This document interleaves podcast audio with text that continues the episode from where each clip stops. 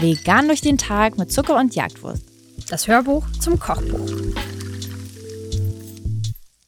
Dieser körnige Frischkäse, selbstverständlich im Vegan, war Teil unserer Käsewoche, kann das sein? Mhm, ja, die wir mal auf dem Blog hatten. Damals hatten wir uns überlegt, was könnten wir wohl für selbstgemachten veganen Käse kreieren. Und mir ist Hüttenkäse wieder eingefallen. Den habe ich nämlich ehrlich gesagt erst so ungefähr ein halbes Jahr bevor ich vegan wurde überhaupt entdeckt. Vorher habe ich den nie gegessen. Hast du das? Ich habe Hüttenkäse nie nicht vegan gegessen. Dadurch habe ich gar keinen Vergleich und Stimmt, ich erinnere mich beim, keine Emotionen ähm, dazu. Beim Testkochen ist das eins dieser Rezepte gewesen, mit denen wir im Freundeskreis Ja. umhergezogen sind und gefragt haben, ob den irgendjemand gern isst, der nicht vegan ist, um zu gucken, ob es einigermaßen dann rankommt, weil ich mich auch nicht mehr ähm, so richtig ähm, erinnern konnte. Ich habe den auch auf jeden Fall nicht gegessen. Das ist ja, glaube ich, schon so ein bisschen so ein Sportler-Ding, oder? So ein Classic. Ja, so ein Protein. super proteinreiches Ding. Ich fand den ehrlich gesagt von der Konsistenz einfach richtig interessant. Ähm, und ich mochte irgendwie auch diese leicht säuerliche Note und genauso wie er jetzt hier auch im Kochbuch ist, fand ich ihn immer am besten. Also mit einem richtig krank körnigen Brot mit Leinöl obendrauf und ich liebe ja auch Kresse und Schnittlauch. Ich weiß gar nicht, wie isst man den denn sonst? Essen das wahrscheinlich auch so, oder? Löffeln das Leute? Nee. Man macht es schon auf Brot. Ja, ich glaube schon. Ich glaube schon. Naja, auf jeden Fall war mein Test, ähm, meine Testerfahrung, deswegen die ging auch ein bisschen länger. Ich habe Seidentofu probiert, ich habe es mit normalem äh, Tofu probiert, ich habe das mit veganer Milch, Joghurt, Cashewnüssen und so weiter alles mal ausprobiert. Und im Endeffekt ist es diese Version geworden, für die ihr Cashewnüsse erstmal einweicht. Das ist sowieso ein Thema, das kommt euch häufiger wahrscheinlich in unserem Kochbuch vor.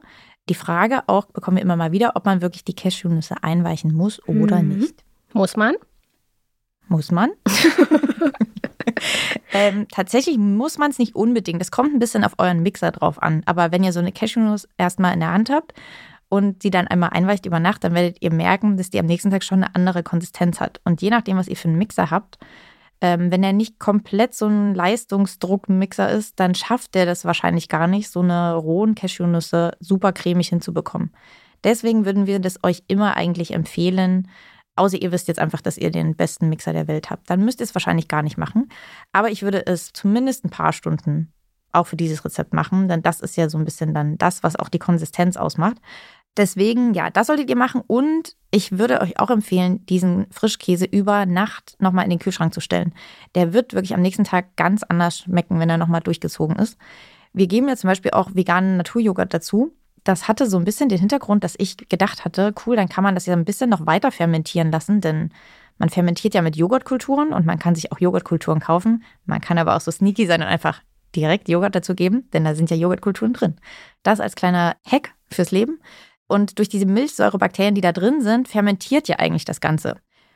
Fail ist nur, ihr stellt es in den Kühlschrank, eigentlich fermentiert nichts im Kühlschrank. Das heißt, wenn ihr wirklich fermentieren wollt, müsst ihr das eigentlich ungefähr bei 18 bis 22 Grad in den Raum stellen und dann auch die Temperatur ein bisschen kontrollieren. Ehrlich gesagt, auf magische Weise finde ich aber trotzdem, dass es selbst im Kühlschrank über Nacht funktioniert. Es zieht trotzdem irgendwie an und schmeckt wirklich.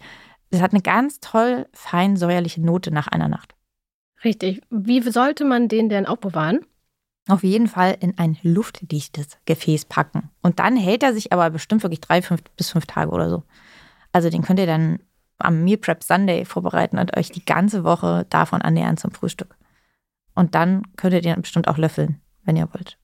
Und wenn ihr jetzt noch kritisch seid und denkt, hey, ich habe auch nie Hüttenkäse gegessen, irgendwie interessiert mich dieses Rezept gar nicht, probiert es trotzdem. Ich habe auch nie Hüttenkäse gegessen. Ich fand das sehr, sehr lecker. Ähm, ist ein toller, wirklich ein toller Belag, wenn ihr mal wegkommen wollt von Aufstrichen, von Marmelade am Morgen, wenn ihr irgendwie immer das gleiche morgens esst.